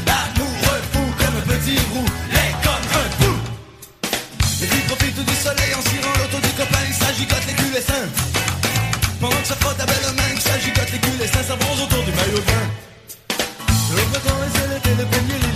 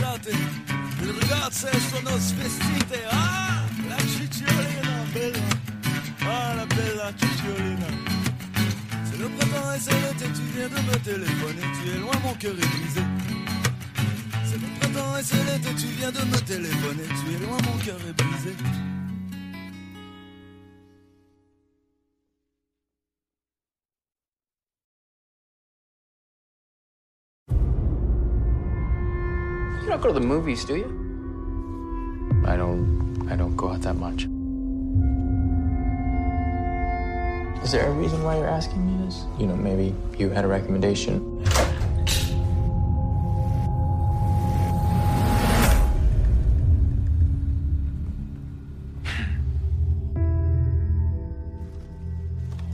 Anthony Clare, 3650 Rathburn Road. Hello? Uh, good afternoon. Hey, Um, no, I'm calling to speak where to are you Dan. calling from? I'm, so, I'm sorry. I, th- I think there's been a misunderstanding. Who is this? Okay, I'm gonna. I'll call back later.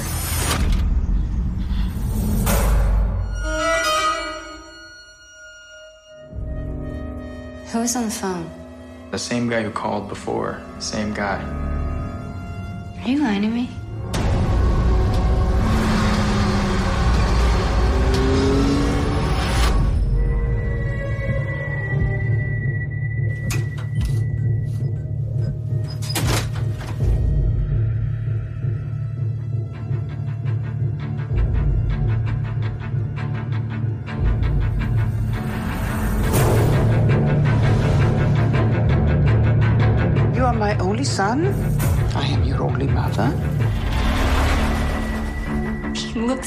Exactly like you. What's happening? I, I really don't know what you're talking about. I think you know.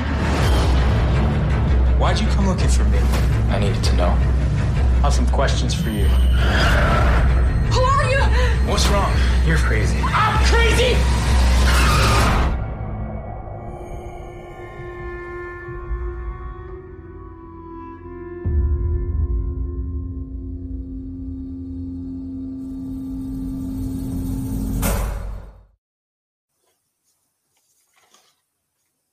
Ja. Mijn nummer 8. Ja, zo eensgezind als we waren over de eerste twee, Vincent, denk ik dat er nu eh, wat uh, verschillen gaan benieuwd. Ja, ik weet het niet. Ja. Mijn nummer 8 is. ehm, ja, ik, ik dacht, kijk even welke, welk jaar het ook alweer is. Misschien dat je het dan al weet. Hé, hey, wat jammer. Ik kan het even niet. Oh ja, uit de 2013.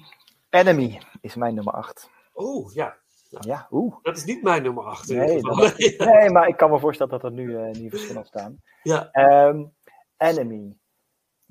Ja, wat een film. Het is echt een hele goede film. Maar wel eentje die je achterlaat met enorm veel vraagtekens. en, en heel, eh, het, het begint al, en jij, maar dat is ook wat hij vaak doet, hè? want je zei net, net bij, bij Maalström begon hij al met, eh, joh, excuus aan de Noren. Ehm, June begint heel mooi met eh, eh, Dreams are messages from the deep. Hè, dat geeft al een soort duiding aan de film. En hier begint hij ook met Chaos is order yet undeciphered. Ja. Dus wat hij eigenlijk doet, hij, hij zegt hier is een film met informatie en zoek het maar uit. Dat is eigenlijk wat hij doet. En dat zet je enorm aan het denken. Eh, wat heb ik nou gezien? Wie is nou eigenlijk wie? Dat soort vragen allemaal. Het gaat om, het gaat om een, een, een leraar op een hogeschool. Ehm wiskundeleraar als ik het goed heb. En ehm, die ontdekt eh, op- op een oude videoband. Want hij heeft een relatie met een vrouw, een soort losse relatie die af en toe bij hem in zijn, eh, in zijn appartementje komt. Wat overigens helemaal leeg is, dat appartement. Hij heeft wel een tv met videobanden, hij kijkt veel videofilms. En op een gegeven moment ziet hij een videofilm en ziet hij in de film een exacte kopie van zichzelf. Hij ziet zichzelf in die film. Dat is heel grappig om te zien. Dus iemand die helemaal op hem lijkt. Nou, en dat zet dus die film in werking, want hij wil weten wie die man is. En dan gaat hij achteraan. Nou, hij, de leraar, heet Adam. En hij gaat op zoek naar, eh, naar die acteur die zoveel op hem lijkt. Ja, en dan gebeuren er zoveel dingen. Dan gebeurt dan op een gegeven moment.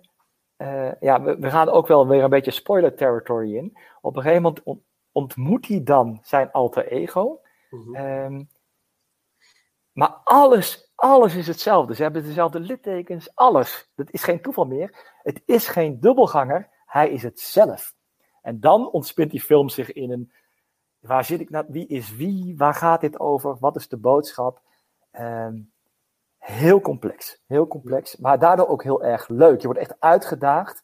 Om van, wat, wat, wie is nou ook van die twee? Help me even. Wie is die andere? Wat is de andere rol? Je hebt Adam en. Eh, dat, oh, dat is een goeie. Laat me kijken in mijn aantekeningen. Ik heb natuurlijk zoveel films van hem gezien. Eh, Anthony. Adam en Anthony. Ja. Maar, maar Anthony is, heeft wel ook weer een alter ego. Want Anthony is een acteur, maar die acteert dan weer onder ander, ander alter ego. En, en nog iets wat in de, in de film de hele tijd terugkomt, is een spin. En wat is de rol van die spin? En wat een heel interessant gegeven is, is dat Villeneuve heeft alle acteurs een NDA, een non-disclosure agreement laten tekenen. Waarin ze beloofden niks te voorspellen over, eh, vertellen over de rol van de spin. Dus wat, wat die nou doet. Ja. Ehm, dit is een film waar ik nog dagen over na heb gedacht. Wat is hier nou aan de hand? Uiteindelijk kom ik tot de conclusie, en gelukkig met mij nog wat anderen, is dat die spin staat voor onderdrukking.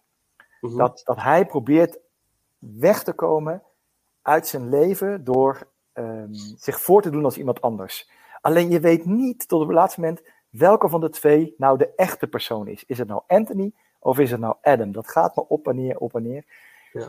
Ehm, maar uiteindelijk gaat het hem om te ontsnappen aan die onderdrukking, die suppression van eh, zijn vrouw die zwanger is, van zijn werk dat niet uitdagend is. Hij heeft al een half jaar geen rol meer gehad als acteur. Af en toe, die op een gegeven moment neig je daarna dat hij de acteur is. Maar ook van zijn moeder, die een hele bepalende rol heeft daarin. Ja. En, en die spin zou dus staan voor die onderdrukking. Nou, het is een film waar je dagen over na kan doen, waar je de, de diepste krochten van het internet in kan duiken om te gaan achterhalen wat er nou gebeurd is. Ja. En ik weet het nog steeds niet precies. Maar boeiend Nee. is het wel. Ja, het is, het is verschrikkelijk boeiend. Ja, bij mij staat hij een stukje hoger eh, gerankt, absoluut. Dat, eh, ik heb er ook wel heel veel gedachten over. Het is gebaseerd op een boek. Het boek The Double van José Saramago. En dat boek is ook wel eens, ik wil het heel graag lezen, dat boek. Ik, ik, ik zag de film onlangs dus weer, eh, ik had het weer herzien voor de podcast. Ik dacht, ja, dat boek, dat moet ik lezen. Gewoon puur om te kijken of ik daar weer iets uit kan halen. wat me iets meer duidelijkheid verschaft over, over wat, wat hier nou precies gaande is. Ja, ik vind het, ik vind het, ja, we komen straks op terug. Ik vind het een fantastische film. Eh, Jake Gyllenhaal, eh, prachtige rol. Laat zien wat een waanzinnig acteur is deze man. Ehm, ja, ja, de spin. Ja, we, we gaan er zo op. We komen er zo op Ja. door.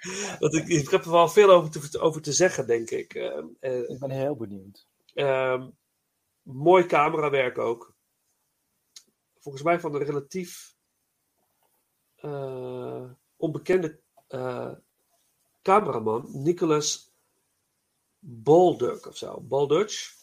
Ja. Een, Zal ik even, was, dat- was dat nou iemand die niet zoveel had gedaan daarvoor? Of was dat volgens mij wel? Maar goed, doet er verder niet toe. Het is, het- de film ziet er ook heel bijzonder uit. En heel, het heeft een bepaalde eh, sfeer qua, qua, qua filters. Er zitten bepaalde filters soms overheen die heel, heel. Het voelt allemaal heel beklemmend, heel mysterieus. De film opent ook met, met zo'n soort secret society Ja. in een kamer. En met eh, een soort van halfnaak, of halfnaakte vrouw, of naakte vrouw volgens mij zelfs. Die lopen daar rond tussen die mannen. En één vrouw op hoge hakken op tafel. En die crusht een spin. Ja. En dat zet hem al gelijk aan denken van, wat, Waar- waarom? En daar ben ik eigenlijk nog steeds niet uit. Waar- waarom die vrouw die spin crusht aan het begin van de film. Dat vind dat, dat...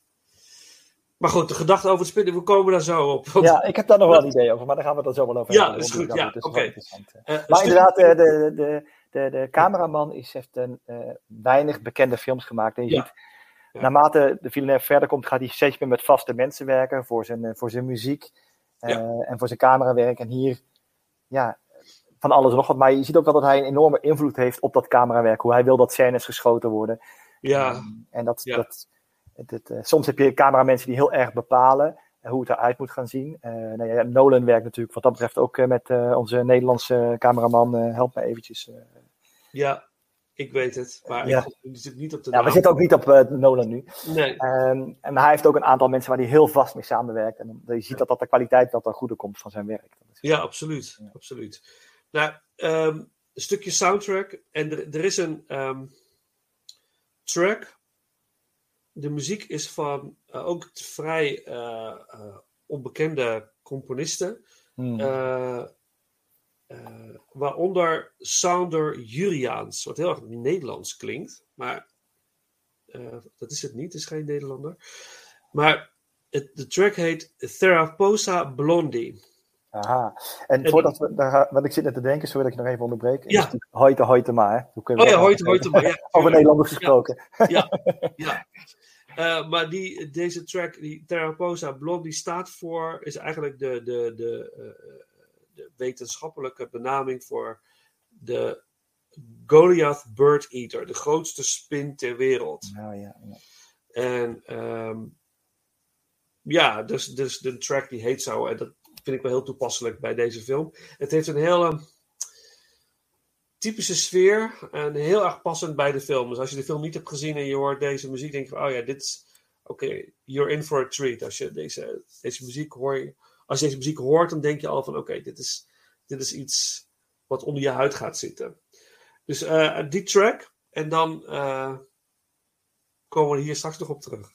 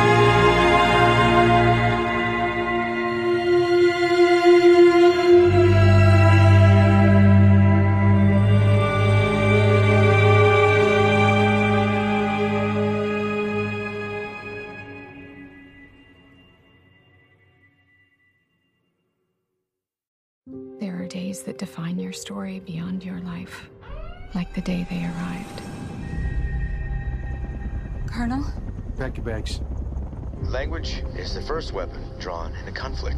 That's quite a greeting. Yeah, well, he wrote it. You are on the top of everyone's list when it comes to translations. Priority one. What do they want? Where are they from?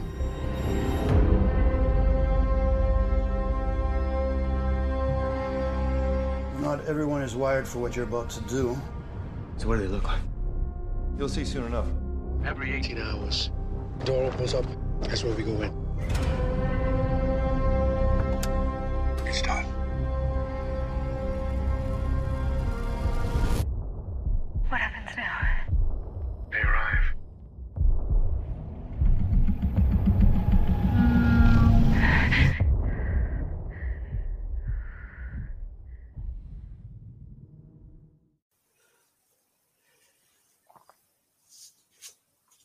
Ja, mijn nummer 8. Dat zal misschien alweer een shock zijn voor jou.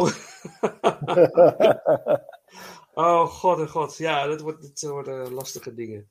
Ehm, film uit 2016. Nee, joh. Ja. Dit was trouwens wel een, een lastige om te plaatsen in de ranking. Maar dit is. ehm, ja, toch heb ik hem hier gezet. Arrival? Ja, Arrival. Ja. Ik heb Arrival ehm, op die positie. Hoewel ik Arrival, ja, los, een beetje los daarvan. Het, die, film is briljant. En, eh, natuurlijk, laten we dat voorop stellen. En een fantastische cast. Ook genomineerd voor Oscar Beste Film. Volledig terecht. Niet gewonnen, helaas. Want eh, de Oscar ging dat jaar naar. eh, dat heb ik ook ergens genoteerd. Eh, daar ging de Oscar naar naartoe. Was genomineerd. Spotlight, geloof ik. Ja, ja, je had toen, was niet La La Land dat jaar ook genomineerd. Ze hadden echt een hele stevige concurrentie. Ja. Eh, Amy Adams was niet eens genomineerd voor een Nee. Oscar. Terwijl ze voor alle BAFTA's en noem maar op allemaal genomineerd was. En terecht. Fantastische rol, echt fantastische rol van haar. Ja. Eh, oh, ja, concurrentie, maar, maar jij moet, het is jouw nummer 8, maar een film die wat ondergewaardeerd is, laat ik het zo zeggen. Nou, Ja, dat is absoluut. Dat, dat, dat, dat, ja, met je eens hoor. Ja, ook prachtig camerawerk weer. eh, eh, Bradford Young, die ook, ook camerawerk deed voor Selma. En ook ondergewaardeerde film A Most Violent Year met Oscar Isaac. Wat ik trouwens echt een hele goede film vind. Ja, Dus als je er niet van gehoord en niet gezien hebt, ga kijken. Prachtige rol van Oscar Isaac. En natuurlijk een geweldige Star Wars film Solo. Eh, het is natuurlijk briljant. Dus veelzijdige cameraman, maar ook eh, het heeft een bijzonder mooi sferisch werk af, vind ik, eh, bij deze, in deze film. Memorabele climax, vind ik. ja. Waar we- kunnen we beter Ja. niks over zeggen. Daar mag je niks over zeggen. Nee, dat is echt iets wat we niet mogen, mogen spoilen, dus dat gaan we ook niet doen. Ah ja, ja. Nou, oké. Ja, Misschien eh, straks, straks, en dan moeten we zeggen, nou gaan we echt even iets zeggen. Maar Ja, nou ja, oké, de film goed te begrijpen is dat wel belangrijk. Nou. Ja, true. Maar dat mag jij doen straks. Ja, ja, Dat is goed. die voor jou. Want bij jou zit hij iets hoger. Het is ook eh, weer gebaseerd op eh, een eh, boek Ja, van The Ted Story of. Your Life. Staat ook op mijn to-read lijstje. Ik moet die ook echt gaan lezen. Story of Your Life, inderdaad. Eh, ehm, ja, eh, kort gezegd, het, het- er komen aliens naar de aarde. En eh, men weet niet waarom. Waarom zijn die schepen hier? En ze geven bepaalde eh, signalen af en ze kunnen dat niet ontcijferen. Ze, ze spreken een soort taal. En die taal hebben ze ook echt bedacht, hè, las ik. Ze hebben die taal echt ontwikkeld. Ja. Dus wat je ziet, het is echt een taal. Ja, dat is waanzinnig. Ehm, en er wordt dus een soort van taaldeskundige, gespeeld door Amy Adams, bijgehaald. Om zo snel mogelijk te ontcijferen wat die boodschap is. Omdat eigenlijk al dreiging is vanuit de hele wereld van... We moeten die... We moeten ten aanval, zeg maar. Er dreigt een, een, een oorlog te ontstaan. Hè? Er zijn verschillende eh, opvattingen over hoe, hoe men daarmee om moet gaan met de komst van die aliens. Maar er zijn ook mensen die gewoon geweld willen gebruiken en willen laten zien van we are in control. En eh, die voelen enorme dreigingen. Zij, zij staat onder druk om zo snel mogelijk te ontcijferen wat zij komen doen hier op, op aarde. Ja, ja, ze zijn niet alleen. Hè. Ze zijn op twaalf plekken in de wereld geland. En Ja, op al die plekken proberen ze dat te ontcijferen. Ja. En eh, Nou, als je het heel plat wil slaan, redt Amerika de wereld. Want in Amerika Ja. ontdekken ze wat er. Ja, ja, zo- ja. Dat is, dat is dat altijd zo. Ik denk, die- als er ooit oorlog is, zal Amerika ons allemaal. Ja, tenzij je in China woont, want dan redt China altijd de wereld. Maar, Ja. eh, ja, dat is waar, ja. Maar goed, hij doet dat samen met Jeremy Renner. Hè, die is volgens mij wiskundige of natuurkundige. En samen proberen ze zo snel mogelijk die taal te ontcijferen. Ja, ja. Ja, ja. En van het moment dat ze dat gaan doen, gebeurt er iets met ze. En dat is wel bijzonder. Ja, ja, ja dat, dat, ja, het is waanzinnig. Ook een hele mooie soundtrack, heel sferisch. Ja. Eh, en ehm, eh, daar gaan we straks zeker wat van draaien. Eh, maar ook heel prominent, dat is ook weer heel typisch, want de, de, de, de score van deze film vond ik. Ja, ik ben heel erg natuurlijk filmmuziek oriented. En ik vond de, de filmmuziek van deze film echt heel erg mooi. Heel zo passend. Wat je zegt, het is dus heel subtiel. Af en toe komt het, wordt het wat grootser, maar het, het, het gaat zo mooi allemaal in elkaar over. En je, je voelt de film. Ja. En dat gebeurt later ook bij andere films van, van Villeneuve, waar we straks ook nog opkomen. Je voelt, je, voelt de film. En, en, niet alleen maar de karakters, maar ook de sfeer en alles wat er gebeurt. En, en dat doet eh, de, de score natuurlijk, eh, eh, draagt daar enorm aan bij. En wat zo jammer is, dat ze, dat ze ehm, eh, eh, de componist Johan Johansson Ja. niet hebben genomineerd voor een Oscar, omdat er eh, een andere eh, track, een muziek van Max Richter, een stuk On the Nature of Daylight, die was prominenter aanwezig in de film, waardoor ze dus niet hem hebben genomineerd. Voor, ik vond het zo'n rare, rare reden ook weer. Maar goed, hij had het verdiend, de Oscar-nominatie, vind ik, eh, voor deze Ja, en, eh, en daarna heeft hij nooit meer gekregen. Hè? Want dat is natuurlijk een tragisch verhaal van Johan Johansson. Die eh, Ja. wel vaker muziek heeft gemaakt voor eh Villeneuve. Ja. Volgens mij zou hij hem ook voor Blade Runner maken. Maar toen kregen ze een verschil van mening. En toen heeft, zeg ik dat goed, als voor Blade Runner, dat Zimmer het gemaakt heeft? Dat weet jij waarschijnlijk beter dan ik. Maar eh, even kijken, wat was in 2017? Welke film was in 2017 van Villeneuve? Dat moeten we uit ons hoofd weten. Ja, dat was Blade Runner.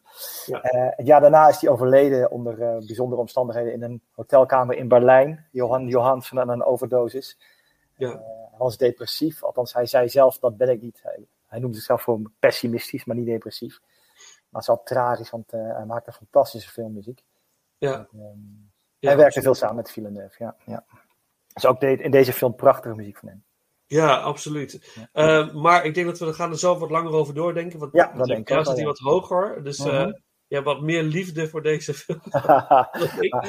maar, maar nee, los daar, nee, natuurlijk niet. Maar ik heb heel, heel veel liefde voor deze film. Maar de rest hierboven deed gewoon net iets meer. Ja. Ehm, ehm, ja, ja, laten we daar zo verder op, eh, op doorgaan. Dan zou ik dan nu wel graag toch even, doen we straks eh, eh, Johan Johansson met eh, een, een, mooi stukje muziek uit de film. Escalation is ook een, track die wat meer body heeft, zeg maar.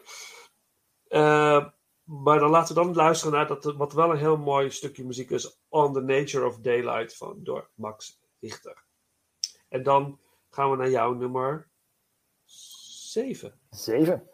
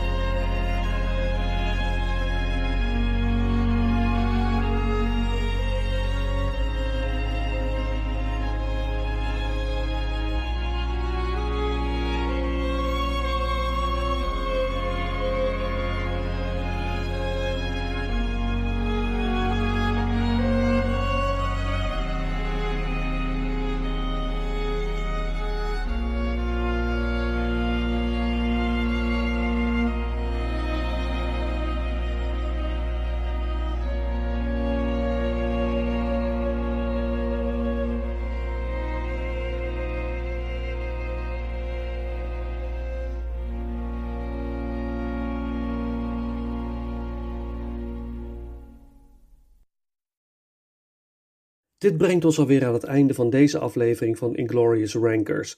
Volgende week het tweede deel van Ranking Denis Villeneuve. Nogmaals, deel jouw ranking met ons via de bekende social media kanalen en ik neem het mee in een van de komende afleveringen.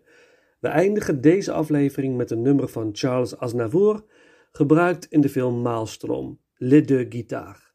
Beste mensen, voor nu bedankt voor het luisteren en tot de volgende ronde.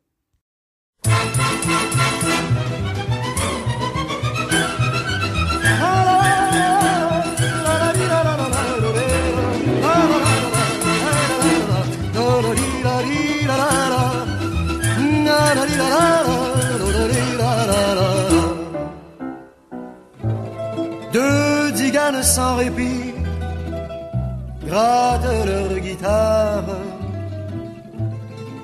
ranimant du fond des nuits toute ma mémoire, sans savoir que roule en moi un flot de détresse, font renaître sous leurs doigts ma folle jeunesse. Echraz,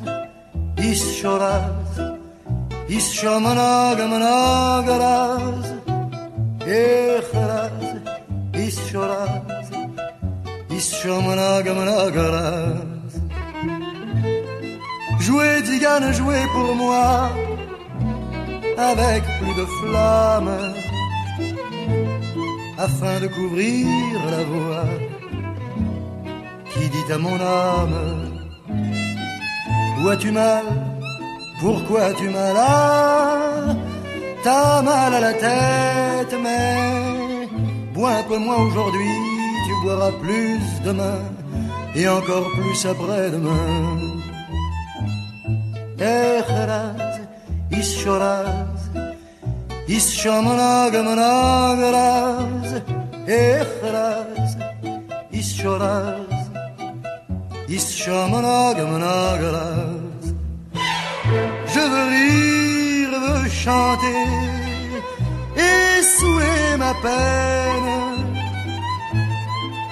Oublier le passé qu'avec moi je traîne. Allez, apportez-moi du vin fort, car le vin délivre. Oh, versez, versez mon corps pour que je m'enivre. La la er, is shamanagamanaga, raz er, raz is shoraz, is shamanagamanaga. Deux guitares en ma pensée, j'ai un trouble immense, m'expliquant la vanité de notre existence. Que vivons-nous? Pourquoi vivons-nous? Quelle est la raison d'être? Tu es vivant aujourd'hui, tu seras mort demain et encore plus après-demain. La la la eh, eh, eh,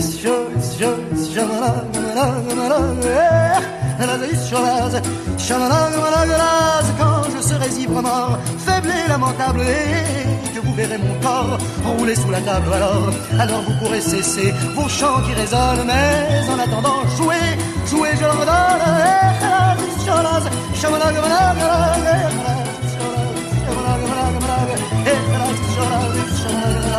אחד, איך אז יצחק